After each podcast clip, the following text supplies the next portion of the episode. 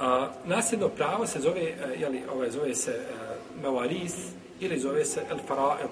El faraid. Iako je farz, jeli, mi farz e, uzimamo da je farz nešto što je obavezano strogo, a faraid, farida ili faraid se odnosi na nasljedno pravo. Isto u knjigama Fika se spominje, znači faraid jako puno je koristi taj izraz, kaže poslanica, al sam el hequl faraida bi ehliha, fema beqije, feli eula ređulin zekar. Kaže, nasljedstvo podijelite onima kojima pripada to nasljedstvo, a ono što ostane, to pripada najbližem muškarcu, jer misli se po srodstvu, to njemu pripada. Pa je poslanik sam sam spomenuo nasljedno pravo i nasljedstvo kao šta?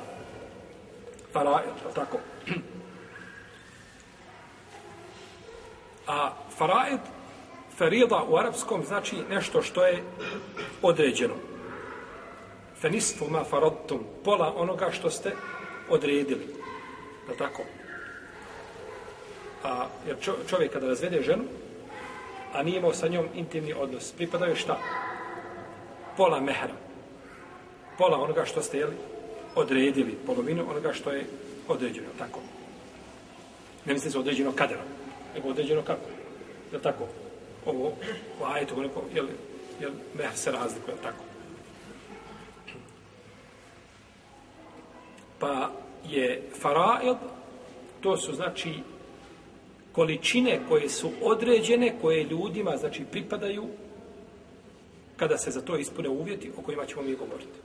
Kada dođe vrijeme i ispune se uvjeti, znači čovjeku pripada ono što mu je šarijat odredio. I može se koristiti isto i za imetak, znači sam a, a, za imetak sam se može koristiti irs, ili el miras ili terike ostavština ili koja ostane i slično tome.